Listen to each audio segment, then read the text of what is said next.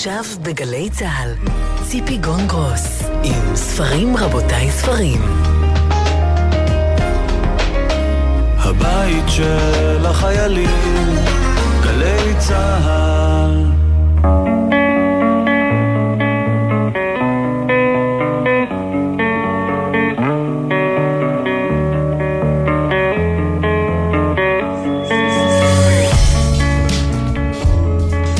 רבותיי, ספרים, סיכום שבועי, שלום לכם, תודה שאתם איתנו. סיכום שבועי, כשמצד אחד עומדים הילדים והילדות, ההורים שלהם, סבא וסבתא שמוקפצים לעזרה כי סוף אוגוסט, כבר אין קייטנות, כבר נגמרו האטרקציות, כבר נמרטו עד דק העצבים. ומצד שני, ארגוני המורים, משרד החינוך, משרד האוצר, ראש הממשלה שמנסה לעזור. מצד אחד, אלפי מורים וגננות שחסרים בכל הארץ, מורים מתוסכלים.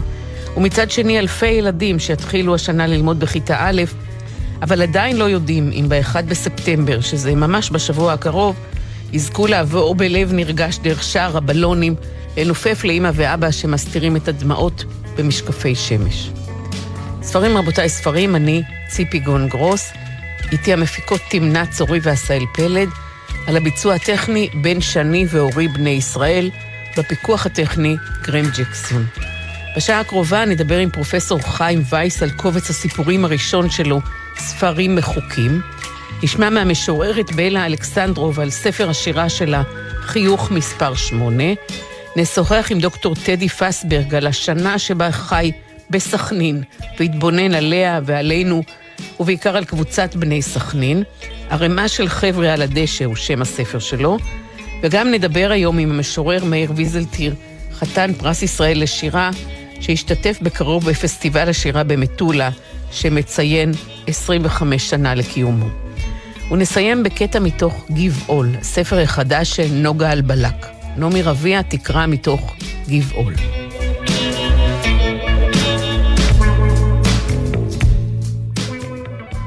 המשורר מאיר ויזלטיר, חתן פרס ישראל לשירה לשנת 2000, כותב ומפרסם שירה וגם מתרגם כבר 64 שנה. מגיל 18 ועד היום, כשהוא בן 81, והוא יכתוב ויתרגם ויקרא שירה גם מחר ומחרתיים. מאיר ויזלטיר השתתף בפסטיבל מטולה לשירה, שהתקיים השנה בין השמונה לעשרה בספטמבר, ויחגוג 25 שנה להיווסדו. שם מראיין אותו פרופסור אריאל הירשפלד. הפסטיבל מתקיים ביוזמה והפקה של בית הקונפדרציה בירושלים. שלום מאיר ויזלטיר. שלום. מה אתה כותב או מתרגם בימים אלו של סוף אוגוסט? בימים אלה ובחודשים האחרונים אני עובד על ספר חדש, שירים שכתבתי מ-2018 עד היום. יש לי למעלה מ-130 שירים, ואני מנסה לבנות את הספר. זאת אומרת, מ-2018 עד היום, זה אומר שגם כתבת בתקופת הקורונה. כתבתי, בתקופת הקורונה כתבתי קצת יותר מהרגיל. כי uh, כנראה כי הייתי רוב הימים מסוגר לגמרי בבית, ו... אבל זאת עובדה שאני כתב, בשנים האלה האחרונות כתבתי קצת יותר מהממוצע הרגיל שלי במספר השירים בשנה, קצת גדול מהרגיל. אז אפשר להגיד שאתה משורר פוליטי, ומשורר של שירי אהבה יפהפיים, וגם משורר של תל אביב, מאוד מאוד. למשל, אתה כותב, מזג האוויר האהוב עליי בעולם הוא מזג האוויר של תל אביב בליל חורף. תל אביב כאישה שהטילוה בבגדיה לאמבט.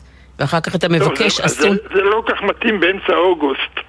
נכון, אתה מבקש, אבל עשו נא חסד עם העיר הזאת, אמרו מילה חמה אליה.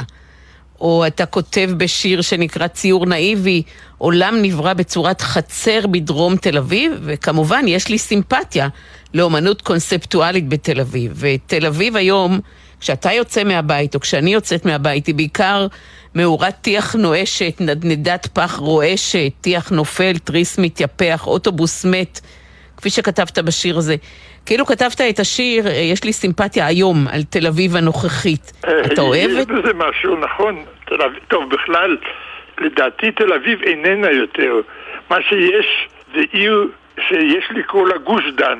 מטרופולין בשם גוש דן, שבתוכו יש שרידים של תל אביב. פה ושם יש אזורים קטנים שהם די כפי שהיו, וגם אם יש איזה שינויים, בסדר, עיר מטבעה היא משתנה קצת עם הזמן, אבל אז יש, יש מין כזה מטרופולין ענק, גוש דן, שבתוכו יש שרידים של הערים שהיו, תל אביב, גבעתיים וכולי. מה המקום שאתה הכי אוהב בתל אביב? אני, אין לי שום דבר הכי. אין סרט שאני הכי אוהב, אין ספר שאני הכי אוהב, אין משורר שאני הכי אוהב, גם אין מקום שאני הכי אוהב בתל אביב. אבל יש בתל אביב מקומות שאני מאוד אוהב, כמו למשל שדרות רוטשילד. רוטשילד אני מאוד אוהב. אני גם אוהב מקומות אחרים. יש, אין, אין לי את הדבר הזה שאני מחפש מה אני הכי אוהב. ואתה גם מתרגם בימים אלו? בשנים האחרונות אני מתרגם מדי פעם איזה שיר שאני רוצה לראות איך הוא, איך הוא ייראה בעברית. אה, וזהו. אני, ספרים אני לא מתרגם יותר.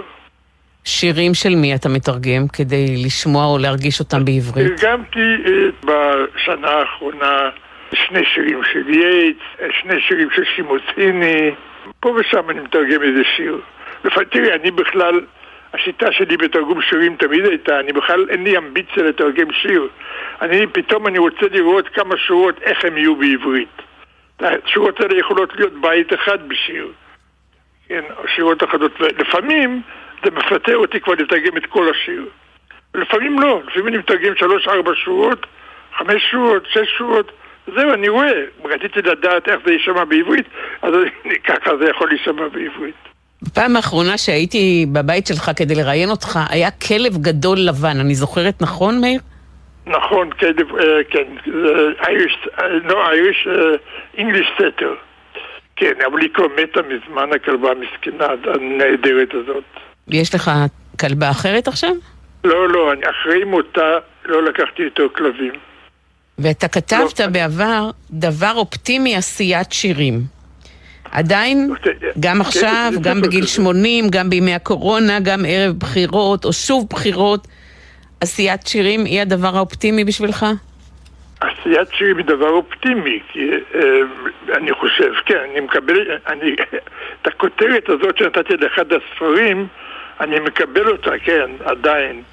אה, זה בהחלט מעשה אופטימי, אה, בעיקר בעולם כפי שהוא מש, משתנה בעשורים האחרונים, הציוויליזציה שהיא משתנה כיוון אה, של, של יותר בערות, מין תינוקיות כזאת של סיפוקים מיידיים בכל מיני דברים.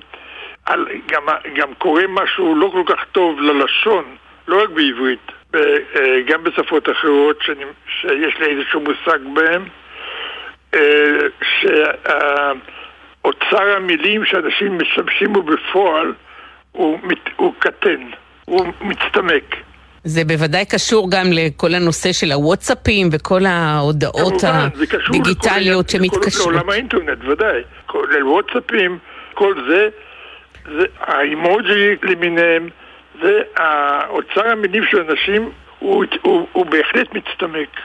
ובעברית יש גם תופעה נוספת, בגלל שהיא שפה בכל זאת של עם לא כל כך גדול במספר, כי אמנם עמוס עוז כמה שנים לפני מותו באיזושהי הרצאה הוא התפאר בזה שהיום יש יותר דוברי עברית מאשר דוברי הולנדית, מה שנכון.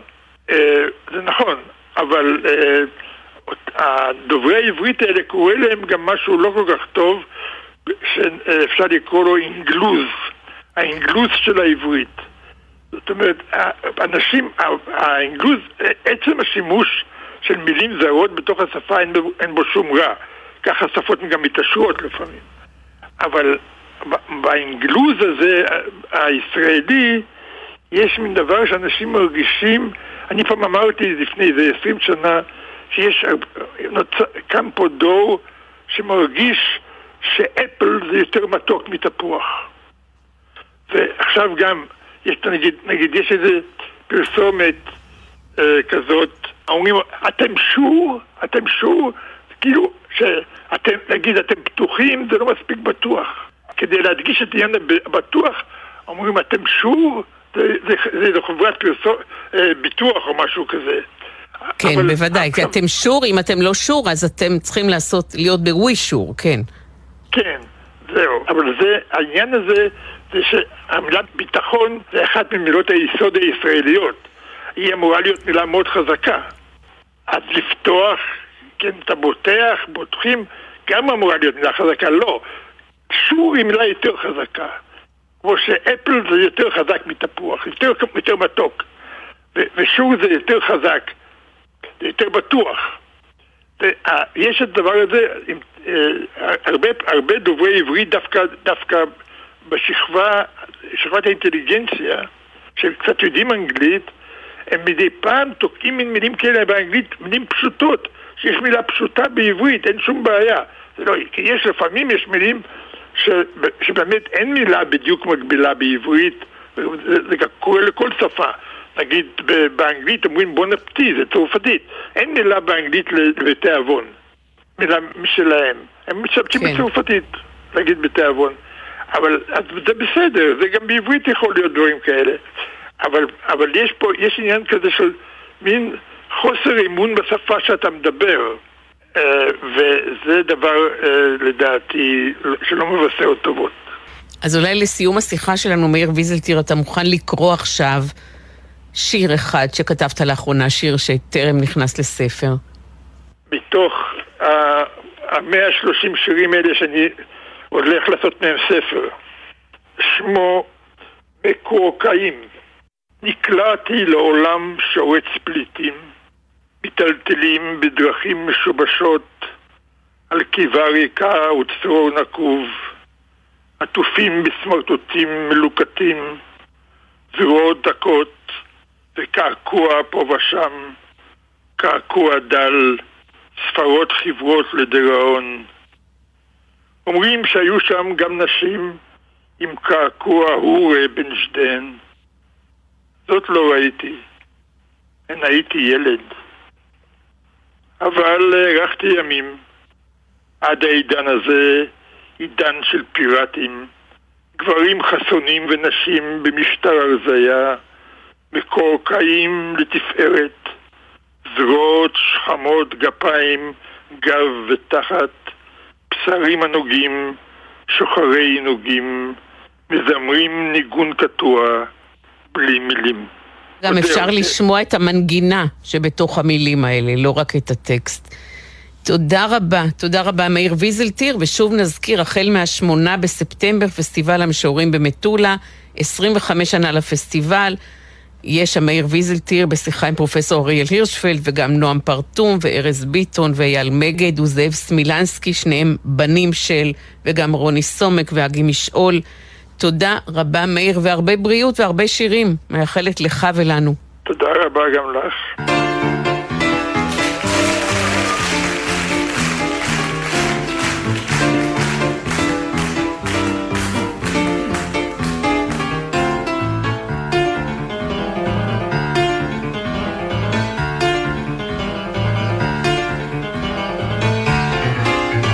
פרופסור חיים וייס הוא חוקר ספרות חז"ל וראש המחלקה לספרות עברית באוניברסיטת בן גוריון. עכשיו מופיע ספר הפרוזה הראשון שלו, קובץ סיפורים ושמו ספרים מחוקים. תשעה סיפורים שבהם חיים וייס כותב על סבא שלו, חיים וייס, שנפטר מדום לב מיד אחרי שהשלים את כתיבת עבודת הדוקטורט שלו בהיסטוריה, והדוקטורט הזה, שלא הוגש ולעולם לא נקרא משום כך, מונח עד היום במעטפה חומה מנומרת בכתמי זקנה, צער ועלבון על שולחנו של הנכד, חיים וייס. הוא כותב על האישה בחלוק הוורוד שילדיה נשרפו בלאגר, והיא עוצרת את המכוניות במפגש הרחובות יחזקאל ושמואל הנביא בירושלים, ומקללת את אלוהים ביידיש במבטא הונגרי כבד. פר ברנט זולטברן, ואם היינה קינדר אינם לאגר. הלוואי שתישרף כמו שהילדים שלי נשרפו בלאגר. חיים וייס כותב על נהג האוטובוס הקבוע שאיתו נסע מדי בוקר לבית הספר. צימוקי היה הכינוי של הנהג הרזה והשתקן, שלפעמים אפילו אפשר לילד חיים לנקב במו ידיו את הכרטיסיות שהגישו לו הנוסעים. הוא מתאר איך סיפר לרב אפשטיין על ההתנדבות שלו במשמר האזרחי, ביודעו מראש שזה יעצבן אותו ויביא אותו שוב לקלל את הציונות. ספרים מחוקים וקובץ הסיפורים שהופיע בהוצאת אפרסמון בעריכת חיים באר. שלום חיים וייס. שלום ציפי, מה שלומך? תודה, תודה. אימא שלך, חיים, סיפרה סיפורים שלא היו ולא נבראו. היא בראה מחדש את העבר. למשל, היא תיארה בפרוטרוט איך ישבה על ברכיו של חיים נחמן ביאליק באירוע של עונג שבת. ואז התברר לך שביאליק בכלל נפטר שבע שנים לפני שאימא שלך נולדה. ואתה כותב, אני מצטטת, פרקי הספר הזה שבורים וקטועים, מציאות ובדיה משמשות בהם בערבוביה, מקצת הדברים קרו ומקצתם לא. אז זה ממואר חיים או לא ממואר?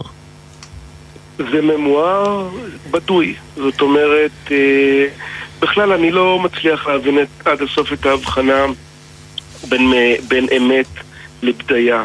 אין איזה קו גבול ברור שעובר ביניהם, אי אפשר להפריד ביניהם אה, בצורה מוחלטת. אנחנו כולנו ממציאים כל הזמן, כולנו מעבים את העבר שלנו, מוסיפים לו פרטים, הוא משתנה עם הגיל ועם הזמן. דברים שהפריעו לנו כשהיינו קטנים אולי לא מפריעים לנו כשאנחנו גדולים, דמויות שלא אהבנו בתור ילדים, פתאום אנחנו מבינים אותם כמבוגרים. והעניין שלי הוא בכלל לא בשחזורו של העבר, כי הרי העבר אי אפשר לשחזר אותו. העניין שלי הוא לנסות להבין את העבר, ומתוך ידיעה שהעבר הוא דבר שמשתנה כל הזמן. יש בו גם הרבה חורים. המון חורים, ואני גם באופן אישי אדם עם זיכרון גרוע מאוד. זאת אומרת, אני חושב שבניגוד נגיד לעורך הספר שלי, חיים באר, שיש לו זיכרון פנומנלי, הוא זוכר הכל, אני לא זוכר הרבה מאוד דברים. אני לא זוכר שמות, אני לא זוכר תאריכים, אני לא זוכר מקומות, אני זוכר דברים שבורים, אני זוכר ריחות, אני זוכר טעמים, אני זוכר מאוד טוב צלילים, אני זוכר פחד, אני זוכר עצב, אני זוכר שמחה. זאת אומרת, כאדם, כדי לשחזר את העבר שלי עצמי, אני צריך להמציא אותו, כי אני לא זוכר אותו. ולמה אבא שלך החליט שאתה ואחיך ואחיותיך לא תלמדו בבית הספר הממלכתי-דתי בשכונה, בית ספר חדש שרק הוקם, אלא שלח אתכם כל יום בשבע בבוקר בקו ארבע לקצה השני של העיר, לבית הספר שבו הוא עצמו למד, רק בכיתה א', אבל זה היה גם בית הספר שבו אבא שלו לימד, האבא שהיה לו חשבון גדול איתו. אולי זאת הייתה דרך לדיאלוג עם אבא שלו אחרי מותו? תראי, אבא שלי הוא בן לדור נורא. זאת אומרת, הדור הזה שנולד בשלהי, ברש... אבי נולד בשנת 39 בירושלים.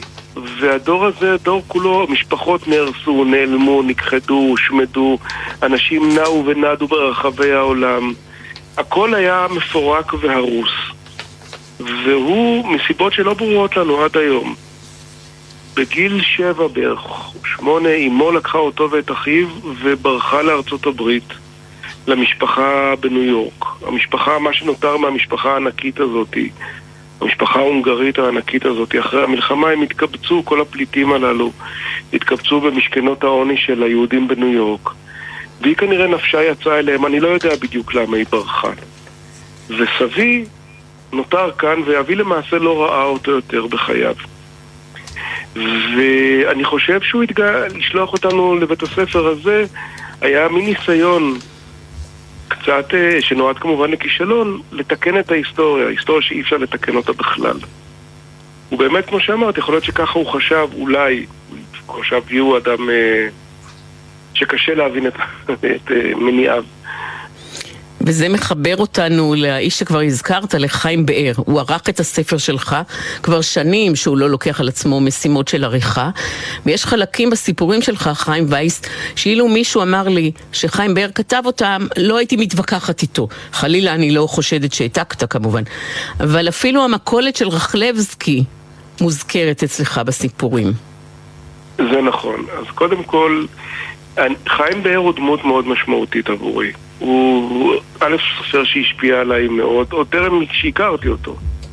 אני קראתי את הספר הראשון שלו בשנת 89, זה היה עת הזמיר, כשהייתי חייל, והספר הזה, לכל אדם יש ספרים שהרושם שלהם או ההשפעה שלהם ניכרת הרבה יותר מהספר עצמו. והדמות הזאת של נחום גבירץ, בכלל הדמויות הללו, פתאום הבנתי שבתוך הספרות העברית יש מקום לעולם שאני גדלתי בו. ואז קראתי את אה, נוצות, וקראתי לאחר מכן את חבלים, ולאחר מכן, עם הרבה השמחה, פגשתי בחיים באר באוניברסיטת בן גוריון, בה שנינו לימדנו. והפכנו לחברים מאוד מאוד קרובים. אה, ואני חושב שיש הבדלים גדולים בסגנון בין חיים וביני, בעיקר בגלל שעוד פעם, לי יש זיכרון נורא ואיום, ולכן אני ממעט יחסית בפרטים וחיים הרבה בפרטים. אבל uh, מעבר לכך, אני ראיתי, אני נורא שמחתי שהוא הסכים לערוך את הספר. הוא מכיר את ירושלים היטב, הוא מכיר את העולם הזה שאני מתאר היטב. זה עולם שהוא טבעי לו, ויחד עם זה זה עולם שחיים גם, יש בו משהו חדש עבורו, משום שזה עולם שהתקיים 25 שנה לאחר שחיים עזב בעצם את ירושלים. זאת אומרת, הילדות שלי הייתה כבר, כשחיים היה אדם, היה אב, אדם מבוגר, ואני מתאר ירושלים שהיא גם מוכרת לו, אבל גם אני חושב שיש בה הרבה מאוד דברים חדשים. הציונות הדתית הייתה שונה לחלוטין בימים שלי אה, מאשר בימים של, אה, בשנות החמישים בהם אה, חיים גדל. והשם של הספר שלך, ספרים מחוקים, בהתחלה הייתי בטוחה שהוא מתייחס, עוד לפני שקראתי אותו, לחורים שיש לך בזיכרון. אבל כשקראתי את הספר הבנתי שהוא מתייחס גם או אולי קודם כל לתפקיד שלך בתור הצנזור של בית הספר. היית צריך לקרוא ספרים ולמחוק בטוש שחור כל זכר למיניות, לפעמים כל הדף היה כמעט שחור, אבל uh, עוד סיפור יותר מצחיק זה צפיתם בתוכנית הטלוויזיה החינוכית כדי ללמוד על גוף האדם, ובתוכנית הזאת הייתה דמות של נערה בבגד גוף, שדרכה הסבירו על התפקוד של גוף האדם, והמורה נתנה לך חתיכת בריסטול קטנה, ואתה היית אמור להסתיר עם הקרטון את הדמות הזאת של הנערה בבגד גוף, רחמנא ליצלן. מה, רצת אחרי המסך כל הזמן כדי לתפוס איפה הנערה הזאת אה, בתוך המסך? להסתיר אותה? כן, א', כן. זה באמת מצחיק מאוד. ומעבר לזה, הספר מלא, או בית הספר שלמדתי בו, המרחב שבו למדתי, שהיה שונה מהעול... מה... אני גדלתי בתוך הציונות הדתית והייתי חלק ממנה. אבל בבית הספר שלמדתי, כל המורים והמורות היו חרדים.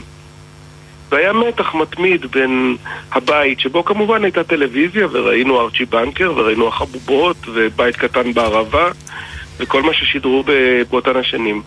לבין עולם שממנו באו המורים שהם לא ראו טלוויזיה מעולם, הטלוויזיה הייתה דבר מפחיד נורא עבורם. זר, מוזר ובעיקר מסוכן. והאובססיה והמשאלה לשלוט כל הזמן במה אנחנו נראה. במה נקרא, במה נעשה, היא הייתה, היא הייתה מאוד דומיננטית והיא כמובן נדונה לכישלון, כי ככל שאתה מנסה לשלוט במה שאנשים יראו כל הזמן, ככה גדלה התשוקה שלהם לראות את מה שאסור. זאת אומרת, היו המון מרחבים אסורים. היה אסור לשחק אה, עם בתי ספר אחרים כי למדו בהם בנות, היה אסור להתבונן החוצה, מחוץ לגדרות בית הספר, כי עברו שם הבנות של בית ספר יהודה הלוי, מה זאת אומרת? בנו לכם גדר כדי להסתיר אותן. נכון, בנו לנו גדר כדי להסתיר אותה. נבנו גדרות, אבל גדרות תמיד יש בהן חורים. אין גדר שאין בה חור. ו... או פתח הצצה, או אשנב ש... וזה רק מזמין יותר. זאת אומרת, אם הדבר פשוט נמצא שם, אנשים אני לא חושב שבכיתה ג' מישהו מאיתנו היה מתרגש נורא מאותה נערה ב... שנבלעה בתוך מערכת העיכול של איזה, באיזה מין תעלול מרושל, גרפי מרושל של שנות ה-70, אבל ברגע שהיא הפכה לדבר אסור, אנחנו הבנו שאנחנו צריכים לרצות את הדבר הזה, כי הרי זה אסור. האיסור, יש בו, הוא, הוא, הוא דו-פרצופי, והוא גם מסמן לך את הדבר שאתה אמור להשתוקק אליו. ואולי לסיום אני אשאל אותך עוד שאלה על ירושלים. אנחנו מדברים, הרי פרופסור חיים וייס, על שיגעון ירושלים. ואני יכולה לקחת את המילים האלה, להפוך את הסדר שלהן, ולומר שעל פי הספר שלך, ירושלים, לפחות של ילדותך, הייתה עיר של משוגעים. היא הייתה עיר שמלאה באנשים מיוסרים, שהגיעו ממקומות שונים, שהעולם שלהם נטרף עליהם, ו... ירושלים של ילדותי, ואני... את יודעת, האוטובוס שאני נוסע כל יום מהגבעה הצרפתית לקטמון, זה בעצם לחצות את ירושלים כולה. וזה מסע בין שכונות, קהילות, קבוצות, בכל תחנה עלתה קבוצה אחרת. ברמת אשכול עלתה קבוצה אחת, ובשמואל הנביא עלתה קבוצה אחרת, וברחוב יחזקאל עלתה קבוצה אחרת, ואתה לומד להכיר את ירושלים, וירושלים היה בה איזה קסם באותם השנים שאני חושב שהיום הוא לא אפשרי או הוא השתנה, וזה שהייתה בה טולרנטיות רבה מאוד לדמויות אקצנטריות. זאת אומרת, הדמות באיש... עוד פעם, אני לא... הסיפור על האישה הוורודה שפותח, האישה בחלוק הוורוד, הסיפור השני בספר, אני זכרתי שהייתה אישה בחלוק ורוד שרצה ברחוב יחזקאל. והיא הייתה רצה לאט לאט במעלה רחוב יחזקאל, ואף אחד לא העיר לה. כולם נתנו לה לעשות את זה, זה היה חלק משגרת הבוקר של רחוב יחזקאל. היא עצרה את התנועה, היא בלמה, היא מנעה עוד מהאוטובוסים לנסוע, וכולם אפשרו לה כי היא הייתה משוגעת מהלאגר. ולמשוגעים מהלאגר היה מותר לעשות מה שהם רוצים בירושלים. במשפחות שלנו, בכל מקום שהם היו. והעולם, כילד, אתה מסתכל בעיניים קרועות על הדברים הללו, והם מספגים בך בכל מיני צורות. בכל אופן, אני יכולה לומר שזה ספר מקסים, יש בו הרבה חוש הומור. תודה רבה, פרופסור חיים וייס. ספרים מחוקים, הספר הזה הופיע בהוצאת אפרסמון, וערך אותו הסופר חיים באר. תודה. תודה רבה, ציפי. תודה רבה.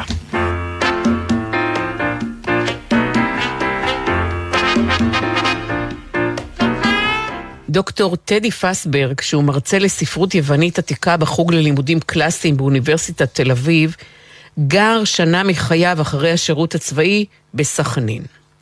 דוקטור טדי פסברג, שגדל בירושלים כילד טוב ירושלים, וכאוהד הדוק של בית"ר, גר שנה מחייו בסכנין, בתקווה לשוחח עם ערבים, ללמוד לדבר בלשונם, ובעיקר לכתוב על קבוצת הכדורגל של סכנין.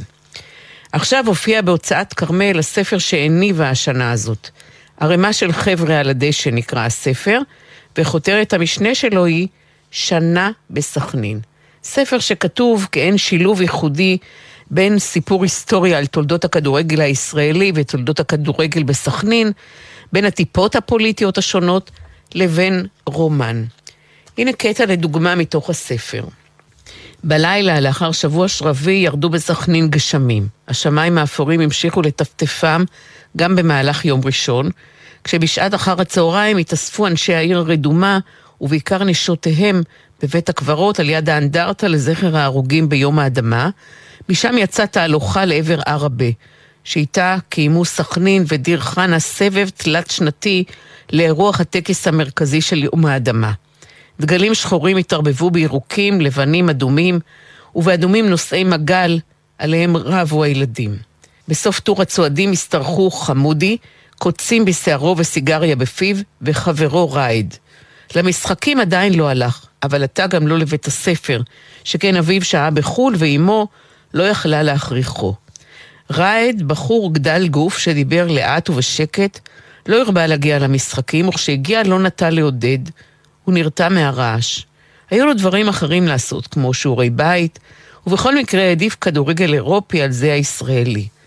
באירופה תמך חמודי בברצלונה, שכן ריאד מדריד, שנשא את שמו של בית המלוכה הספרדי בתקופת פרנקו, זכתה לחסות הממסד הדיקטטורי, הייתה המקבילה הספרדית של בית"ר, זאת בניגוד ליריבתה המרה ספינת הדגל הגאה של המיעוט הקטלוני. דווקא ריאל הייתה הקבוצה הזרה האהודה ביותר בסכנין. שלום טדי פסברג. שלום ציפי, תודה רבה. אנתרופולוגים עוברים לחיות עם הנחקרים שלהם בתוך הקהילות שבהן הם מתמקדים. אבל מה הביא אותך לגור שנה בסכנין? אה, כמו שתיארת, אה, עברתי לשם משלוש סיבות, רציתי גם אה, ללמוד לדבר ערבית כמו שצריך, ורציתי גם לדבר עם ערבים, ש, שזה משהו שלא יצא למרות שגדלתי בירושלים, בשכנות לערבים, ובעיקר רציתי לכתוב על קבוצת הכדורגל של, של בני סכנין ולהביא לארץ ז'אנר ספרותי שב... במדינות אחרות הוא מקובל ובארץ אה, לא כל כך. איך הגיבה הסביבה שלך, המשפחה, החברים ששירתו איתך במודיעין לרעיון הזה? אה, אני חושב שדווקא חברים מהמודיעין אה, הבינו את, ה, את העניין ב, בלעבור ו, ולדבר ערבית, בצבא תרגמתי ערבית, ולפגוש ערבים, אבל מחוץ לסביבה הזאת, אה, התגובה הרגילה הייתה אה, פליאה. אה, אני זוכר שלעיתים קרובות שאלו מה איבדת בסכנין. אני זוכר שמישהי שסיפרתי לה, היא פשוט לא ידעה מה לומר, היא חשבה שאני, היא חשבה שזאת בדיחה, היא לא, אבל היא לא הבינה, היא לא הבינה על מה הבדיחה, ולקח לה קצת זמן לקבל את זה שאני, שאמרתי את זה ברצינות. ובני סכנין, לא הקבוצה, אלא בני המקום שנקרא סכנין, נפתחו אליך? קיבלו אותך בטבעיות? אה, הם קיבלו אותי בצורה אה, יוצאת דופן. אה, אני, אני מספר בספר שאני גרתי בקצה המערבי של העיר והאיצטדיון היה בקצה המזרחי והייתי הולך כמה פעמים בשבוע מהבית שלי אל האיצטדיון, אה, לאימונים, למשחקים, לפגוש אה, שחקן לרעיון או משהו כזה. ובעצם מה שקרה, והייתי הולך לאורך, אה, היו בתים לאורך הדרך הזאת, ולאורך השנה פגש, כלומר הכרתי את האנשים שגרים בהם, והם היו מזמינים אותי לפעמים פנימה. ובאמצע השנה המצב הגיע לכדי כך ש... בעצם כבר לא הייתי מסוגל להגיע בזמן אה, לאיצטדיון, כי אנשים היו קוראים לי פנימה ולא יכולתי לסרב. אה, אז מרוב שהכנסת האורחים הייתה חמה, באמצע השנה הייתי צריך אה, בעצם לקחת דרך עוקפת ארוכה יותר אל האיצטדיון כדי להיות מסוגל להגיע לשם בזמן. ואתה כותב בתחילת הספר, טדי, שעוד לפני ההקדמה אתה כותב שהעורכת הלשונית והמגיעה היו מאוד מקצועיות וקפדניות, אבל אתה התעקשת לשמור בתוך הטקסט על צורות ומבנים לשוניים בלתי סטנדרטיים. למשל, שלוש אחותות, זה ציטוט. או מה, אני חבלן, אומר בעל המכולת, או הוא אומר בווארי במקום ברברי. אני משערת שרצית לתת לקורא או לקורא תחושה שגם הם חיים יחד איתך בסכנין. ליד יציע הבטון עם האוהדים, ליד הפיתות עם הפסולי והלבנה, קרוב לאוהדי סכנין שצועקים בלי להתבלבל יין יין, חיפה על הזין. רצית לתת לנו תחושה שאנחנו איתך שם. נכון, אמ, ומעבר לזה הייתה, כלומר, צריך גם, אה, מי שקורא בספר שם לב שהייצוג הזה של לשון הדיבור הוא, הוא משהו עקרוני, והוא, והצורות הבלתי סטנדרטיות ש, של העורכת ולמגיהה היה קשה איתן, אה, הצורות הבלתי סטנדרטיות מופיעות גם בלשון אה, דמויות יהודיות. אה, והחשיבות העקרונית של הדבר הזה היה מבחינתי, שאני רוצה לא רק שה, שהקוראים ירגישו ש, שהם איתי בסכנין ושהם פוגשים את הדמויות האלה, אלא לתת לדמויות האלה לדבר בלשונם. גם כי חלקן חשוב להם מאוד לדבר, ורציתי לאפשר להם להתבטא כפי שהן, אה, בשפה שהן משתמשות בה. אה, וגם, אה, וזה אולי משהו שניגע בו בהמשך, כי אני הרגשתי שאני לא אוכל לספר את הסיפור שלהם בלשון שלי בצורה טובה כמו שהלשון שלהם תוכל לעשות זאת. ואתה כותב לא רק על בני סכנין, אתה בכלל כותב על הכדורגל הישראלי, על משפחת בוזגלו, יש שם סיפור נהדר על בוגדן שהיה אמור ללכת להתאמן בשחייה, אבל במקום בשחייה הוא העדיף להתאמן בכדורגל, הוא רק היה מרטיב את המגבת שלו כל פעם אחרי אימון הכדורגל, כדי שההורים שלו יאמינו שהוא באמת אה, אה, שחה. ובעצם אני, אני נתתי פה דוגמאות פרטיות לכך שאתה כותב, זה לא ספר על כדורגל, לא ספר על האוכלוסייה הערבית בישראל, זה ספר על החברה הישראלית ועל הישראליות מנקודת מבט אחרת. במה? אה, חברים היו באים לבקר אותי מסכנין, הרבה מהם חברים אה, ששירתו איתי אה, במודיעין, והם היו באים לסכנין והם היו אומרים דברים כמו, זה כמו בהודו. ואז הם היו מנסים להשוות בין מה שהם אה, היו רואים בסכנין, מה שהם מכירים מהרצליה, מרעננה, מלא יודע איפה, והם היו אומרים, אה, בארץ זה כך וכך לעומת מה שהם רואים בסכנין. אבל ההשוואה הזאת, כלומר, הניסוח הזה הוא בעצמו, אה, יש בו בעיה, כי אנחנו הרי לא יצאנו מגבולות הארץ. אז אחד הדברים העקרוניים ש, שהיו חשובים לי בספר, וכאן זה גם, זה חוזר שוב לעניין הלשון, אמ, הוא שבעצם מה שאנחנו רואים בסכנין הוא צורה אחרת של ישראליות, ולכן גם היה חשוב לי להביא את העברית המשוערבת הזאת. לכן, מעבר לצורות שציינת קודם, חשוב לשים לב שהספר עצמו נגמר בעברית לא תקנית. בקריאה של האוהדים שהיא בעברית לא תקנית, אבל אבל מבחינתי העברית הזו, כלומר זאת עברית, אמ, וזאת עברית שהיא, שהיא אני חושב, גם יש בה יופי משלה, אמ, אבל היא גם חשובה אה, כדי להבין את, את מה שקורה כאן, כדי להבין את הישראליות. ואתה מצטט את זוהיר בהלול שאמר סכנין היא המפעל החשוב ביותר של הציבור הערבי ב-20 השנים האחרונות. זה לא רק סיפור ספורטיבי, זה מסר נפלא לחברה הישראלית. אז הספר שלך הוא לא ספר מחקרי, אבל בכל זאת, יש שורה תחתונה, או אולי השורה התחתונה היא מה שאומר זוהיר בהלול?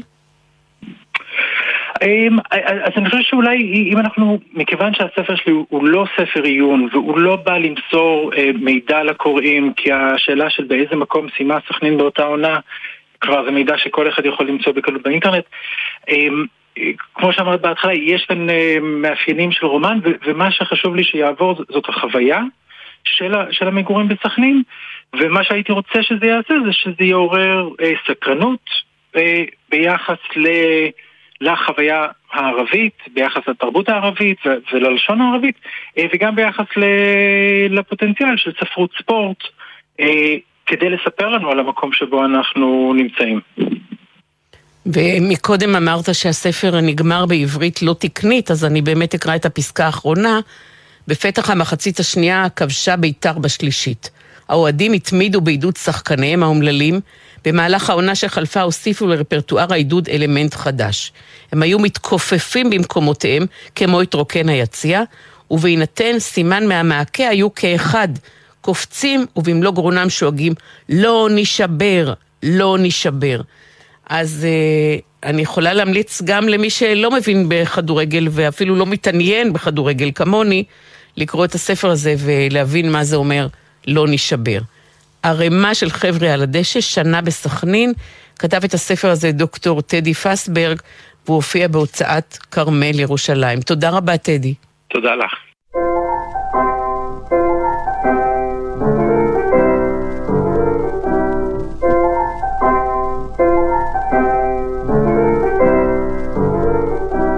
בלה אלכסנדרוב נולדה בריגה בשנת 1984. ב-1992, כלומר בגיל שמונה, עלתה לישראל עם אימא שלה לריסה, ושתיהן השתקעו בבאר שבע, בשיכון ד'. בגיל 13 עזבה את הבית לפנימייה.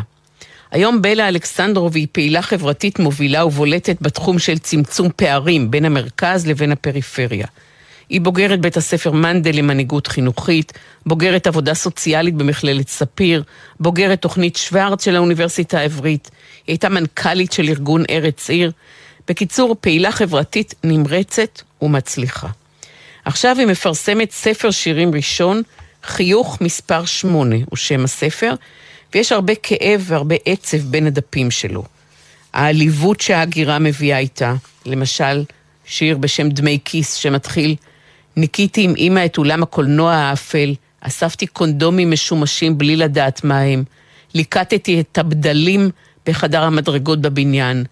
בכיתה ז' השתדרגתי לניקיון אולמות הג'ודו המיוזעים. בתיכון קודמתי לסידור בתים של משפחות בקיבוץ ובתי יוקרה במרכז. היא כותבת על ההטרדה המינית שמוכר הפלאפל הרשה לעצמו כשהייתה בת עשר, ותמורת חצי מנה בחינם מישש אותה מעל הבגדים. כותבת על התפקיד האימהי שנאלצה לקחת על עצמה. משגיחה עלייך באירועים משפחתיים, מחפשת את הרעד בקולך, מתיחה את המציאות בפנייך, לוקחת אותך לטיפול, משלמת לך את החובות, מנהלת לך את החשבונות. ויש בספר גם הרבה שירים על הפרידה מהאם, שמתה בגיל 64 בשנת 2020. טיטולים, אינפוזיה, חמצן דרך מסכה, קרחת, תורנויות לילה אינסופיות ליד המיטה שלה. בשיר שנקרא היום, כותבת בלה אלכסנדרוב, חייגתי אלייך לוודא שאת לא עונה. חיוך מספר שמונה הוא שם הספר, שלום בלה אלכסנדרוב. שלום. אימא שלך הייתה המון דברים, גם הבינה אותך תמיד, אפילו בלי מילים את כותבת בהקדשה לספר. גם לימדה אותך לאהוב שוב את האיש שממנו כל כך פחדת. מסתירה ממך הרבה זמן שהוא כבר מת, שנרצח בסכין של אהובתו. גם לימדה אותך לא לגרור רגליים, לאכול יפה בסכין ובמזלג, אבל היא הייתה גם אלכוהוליסטית? אה, לצערי הרב כן, זה התמודדות של הרבה נשים שסוכות לדיכאון. אה, וגם הצביע להיות מוסתר ומתפקד, אמא שלי תמיד עבדה, תמיד תפקדה. אבל אה, בסופי שבוע לצערי הרב כן, וגם לא רק בסופי שבוע. ואת היית רואה אותה מתגוללת מהאלכוהול, לא יודעת מה נעשה איתה. כן, וגם זה היה הסיבה המרכזית למה בחרתי לעזוב לווינגייט, לפנימייה.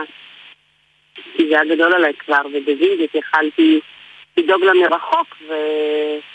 ועדיין... אה, אבל לא לחוות את זה באופן יומיומי. ואבא שלך, על פי הספר, הוא היה גוי, הוא סירב להתחתן עם אמא שלך, והוא נרצח כשאת היית בת עשר. אלה העובדות על פי השירים. אלה היו העובדות גם בחיים שלך? נכון. כן, כן, הספר הוא, הוא מאוד אוטוביוגרפי. אה, אבא שלי היה רוסי, ממוצא רוסי, הוא לא היה יהודי, וסבתא שלי, אמא שלו, הייתה ממש נגד הקשר הזה, והיא ממש הצליחה לו לקנות אוטו אם הוא לא יתחתן איתה, אם לא יהיו ביחד, ובהתחלה הם הצליחו להיות ביחד, אה, ועדיין הוא קיבל את האוטו, אבל בהמשך אה, גם הוא הפגין אלימות כלפי אמא שלי, כשהייתי בת חמש, שבעצם פתח אותה בסכין ברגל, אה, ולכן גם פחדתי ממנו. ובאופן פרדוקסלי בעצמו נרצח מסכין אהובתו. כשאנחנו כבר היינו בארץ, הייתי בת עשר. וחיוך מספר שמונה, ככה את קוראת לספר, אפשר לומר במילים אחרות, If you can't make it, fake it, או כפי שאת אומרת באחד השירים, אה, כלומר, בואי נתלבש יפה, ואז יבוא המצב רוח. זה מה שהתבקשת להציג את ההצגה הזאת, לשים על פנייך חיוך מספר שמונה, כדי לא לכבס את הכביסה המלוכלכת הכל כך קשה וכואבת הזאת בחוץ? אה, כן, זה לא רק אני, זה איזושהי התבקשות של החברה הסובייטית שממנה המשפחה שלי באה. אה, לא הולכים לטיפול, לא מדברים על קטעים, אה, איזושהי תנועה של עיסוק עצמי.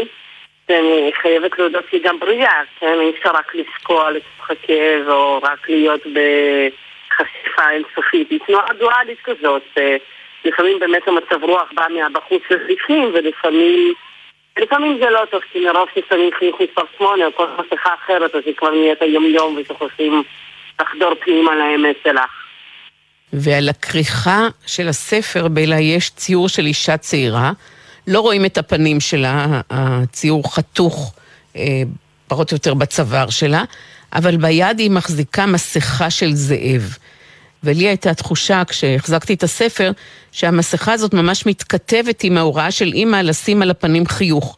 להסוות את הקושי עם מסכה. ומצד אחד המסכה, ומצד שני הספר הזה הוא מאוד מאוד מאוד חשוף. הוא הכי בלי שום מסכה. נכון, אז אה, באמת זה ציור מאמן של חי גן, פרס, הציירת, וכך הוא צייר במקור, זאת אומרת לא, לא חתכנו אותו בכריכה. וזה היה כמו כפפה ליד שראיתי את הציור הזה. וגם בהקשר של זאבה ופמיניזם ונשים, את יודעת שלפעמים כדי להצליח צריך מסכה של זאבה כדי להצליח. וכמו שאת אומרת, הספר הוא מאוד מוריד את המסכה, הוא שם את האמת בפנים, ובלי הרבה מטאפורות ובלי הרבה דימויים, או לא בצורה חייתית, אלא מאוד ישר לבטן. אני חושבת שזה היה בשבילי כאילו כמו, כאילו כמו צעקה כזאת. זו האמת, זה מה שקרה, זה הכאב שקורה, שקרה לי, שקורה לעוד הרבה נשים צעירות, גם אלה שעלו מברית המועצות וגם לא. אה, והרצון שלי להוריד מסכה, ובאמת ברוב חזיתות חיי, כשאני לא נדרשת, אני, אני באמת משתדלת גם לחיות ככה ללא מסכה. ויש שיר מאוד מאוד יפה בספר שנקרא "מה לימדת אותי". והוא מסתיים במילים לימדת אותי להיות חזקה, במותך לימדת אותי חולשה. אז כתיבת השירים הכל כך כל כך חשופים וכואבים האלה, זאת חולשה, זאת חוזקה? אני חושבת שהחוזקה האמיתית היא בסוף לתת מקום גם לחולשה ולפגיעות, כי מנית בהתחלה את כל ההצלחות שלי, ויכלתי לכתוב ספר על זה, אבל uh, היכולת לחשוף את, ה, את הכאב ולהפוך את הכאב האישי לקולקטיבי ולתת ל... בדיוק עכשיו הרבה אנשים מקבלים את הספר בדואר ואני מקבלת תגובות וזה חוויה מאוד מעניינת שמשהו כל כך אישי, כל כך אינטימי, כאילו רק שלי, הוא ממש לא. כי להרבה אנשים אה, קרתה אלימות ולהרבה אנשים, נשים חוו פגיעות מיניות והגירה גם לא חסר בארץ וגם אצלו, אז הוא פוגש את אותו כאב ופחד כאבא או כאימא ואחד החברים כתב לי השבוע שבכריכה של הספר צריך אה, להוסיף אזהרה ולכתוב אה, הספר נוגע בנימי הנפש, אזהרת קריאה, רק נפש חזקה יכולה לקרוא אותו. אז, אז אני חושבת שזה חוזקה היום, כן, לחשוף גאות, לדבר אותה, לדבר על חולצה, לאבד את הדברים, לא להישאר איתם לבד. אולי גם זו הדרך שלי להתמודד, את יודעת, עם מה שאימא שלי לא הצליחה, כי כשלה כאב והיה קשה, היא נכנסה לבדידות ולדיכאון ולהתמודדות לא טובה.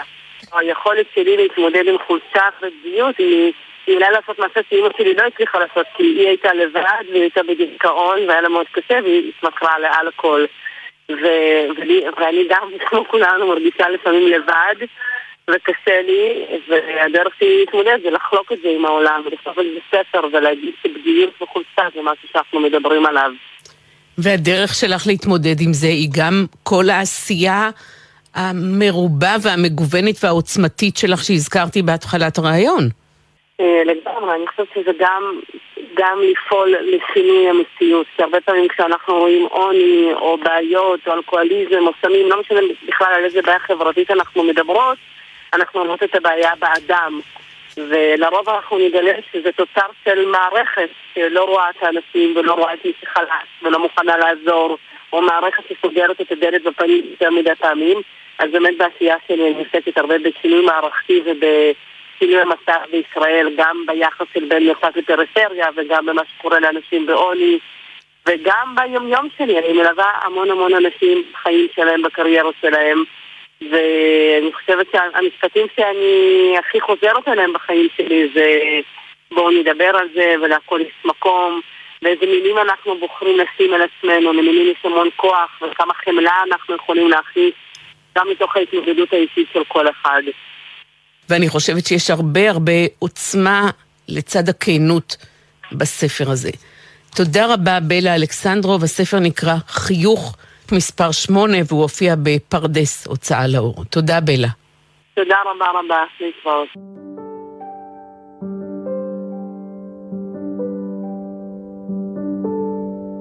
בהוצאת הקיבוץ המאוחד הופיע עכשיו ספר שנקרא גבעול. נוגה אלבלק כתבה אותו, על הכריכה שלו כתוב כך: אישה בת חמישים קמה יום אחד ועולה על אוטובוס לכפר. בבית הקטן ששכרה היא יושבת ובוהה, מבשלת ארוחת לא צהריים, גם לא ערב, מחטטת במגירות, קוראת מכתבים לא לה, מנמנמת, מאכילה ציפורים, ושוב בוהה.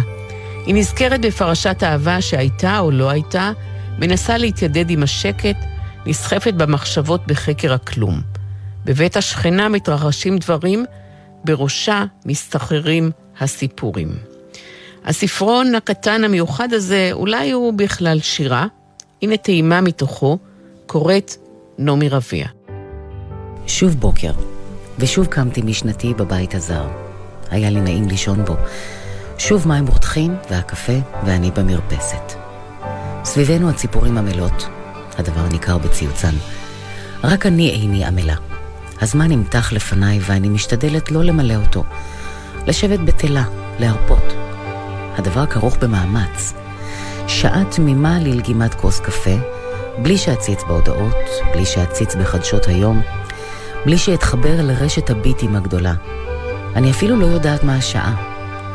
הבית השכן עומד שקט, אין יוצא ואין בא. אני יושבת, ברכיי צמודות לבטני, מחורבלות בתוך הסוואצ'רט הגדול, שמחמם את רגליי החשופות. פתאום נשמע קול רעש, אפשר לומר מחריש אוזניים. הוא בא מחזית הבית. לפיכך קמתי וניגשתי לדלת הכניסה. כשפתחתי את הדלת חוותה בי מכת רעש. במקום לסגור את הדלת ולהתבצר מפני הרעש הגדול, פסעתי כמה צעדים קדימה ונעמדתי בגרביי על השביל. ליד הגדר החיה ראיתי דמות. הדמות אחזה במסור חשמלי וניסרה את ענפי הגדר. הדמות לבשה מכנסי דגמח בצבע בז' וחולצת טריקו חומה קצרה.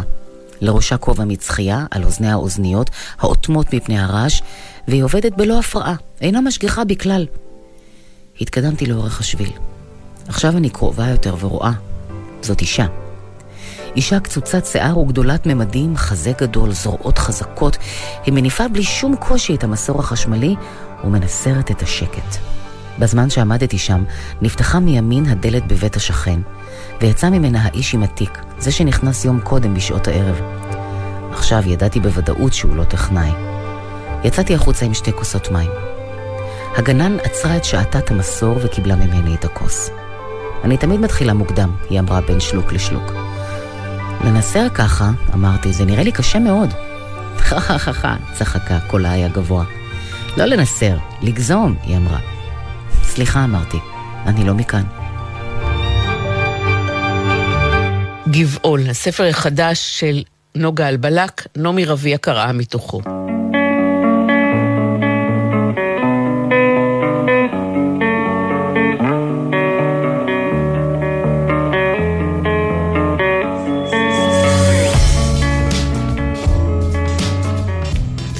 ספרים, רבותיי, ספרים, עד כאן התוכנית להיום. תודה לחיים וייס, לטדי פסברג, לבלה אלכסנדרוב, למאיר ויזלטיר ולנעמי רביע שקראה מתוך גבעול של נוגה אלבלק. ספרים, גון גרוס, כוכי ג'ימל נקודה קום, מכתובת המייל לתגובות שלכם. באתר גלי צה"ל וגם ביישומון אפשר להאזין שוב לתוכנית. דף הפייסבוק שלנו, ספרים, רבותיי, ספרים בגלי צה"ל, מחכה ללייק שלכם.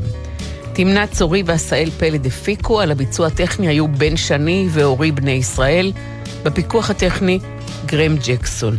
המלצה קטנה לסיום הפעם בתוך הבית, לרגל פתיחת שנת הלימודים ביום שישי הבא, תוקדש כל התוכנית של ספרים, רבותיי ספרים, לחינוך לבתי הספר.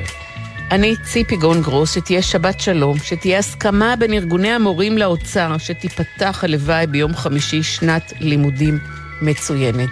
שיהיה שבוע מצוין.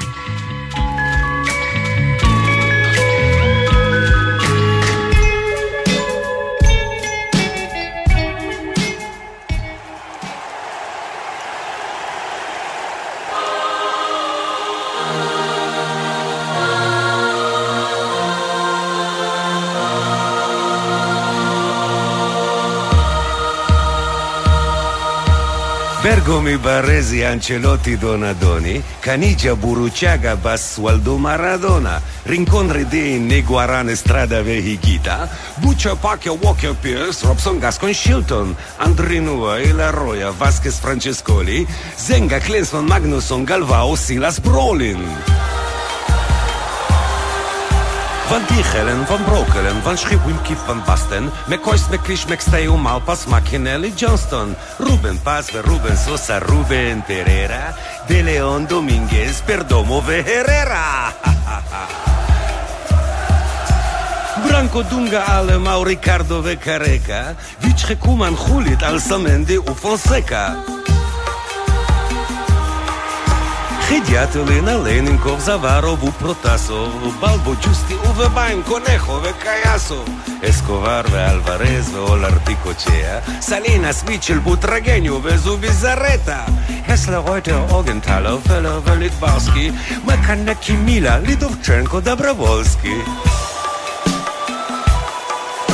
De Napoli, Maldini, D'Agustini, Carnavale Giannini, Ferri, Baggio, Serena, Uviali Moravci, Kubik, Knoplicek, Uskorabi, Haskorer Shidi, Kaskarino, Kevin Moran, Upet Bonner Stojkovic, Vekatanec, Vesosic Vujovic, Stanton, Morris, Stapleton, O'Leary, Willan, Aldridge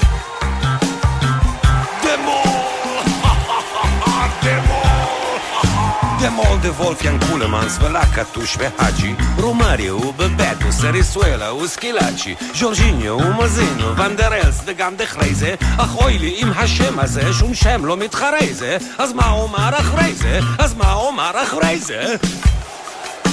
דסייב, זיגמנטוביץ', דמיאננקו, ניקו קלאסן, ומג'די עבדול גני, ושובר וחוסם חסן, בטיסטה טרויו וסימון ופצלו Axel, Rod, Axel Monzon ושיפוליני, גרו גרון, מתאוס ובן ארלה. אולי תפסיק לשיר כבר ותלך הביתה ארלה. מתאוס. בן ארלה. מתאוס. בן ארלה. אם לא תפסיק לשיר מיד יהיה כבר מאוחר לה בן ארלה.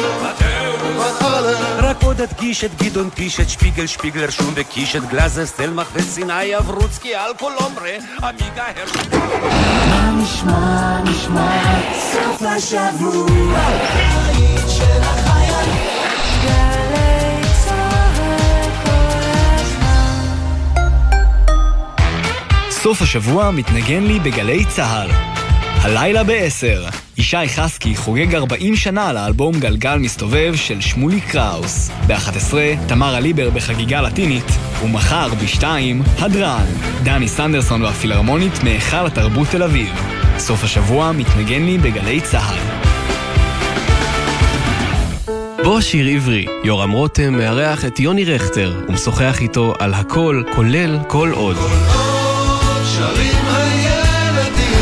אלי מוהר ואני, שכתבנו את השיר הזה, הרגשנו משהו מיוחד. וכשהשיר יצא, לקח כמעט חמש שנים עד שפתאום איכשהו התחיל להגיע לאנשים, אני לא יודע למה. מחר, שבע בבוקר, גלי צה"ל.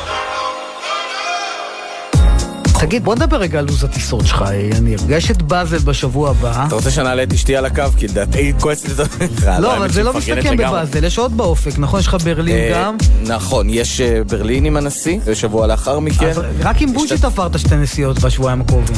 ואז יש לך לפיד בספטמבר לניו יורק. וואי, זה נכון. פשוט לא יאמן. קוראים לזה עבודה... עשן אה, יוצא לי פה מהאוזניים. ספי עובדיה ויניר קוזין, ראשון עד שלישי בשמונה בבוקר, רק בגלי צה"ל. מיד אחרי החדשות, שש בשישי.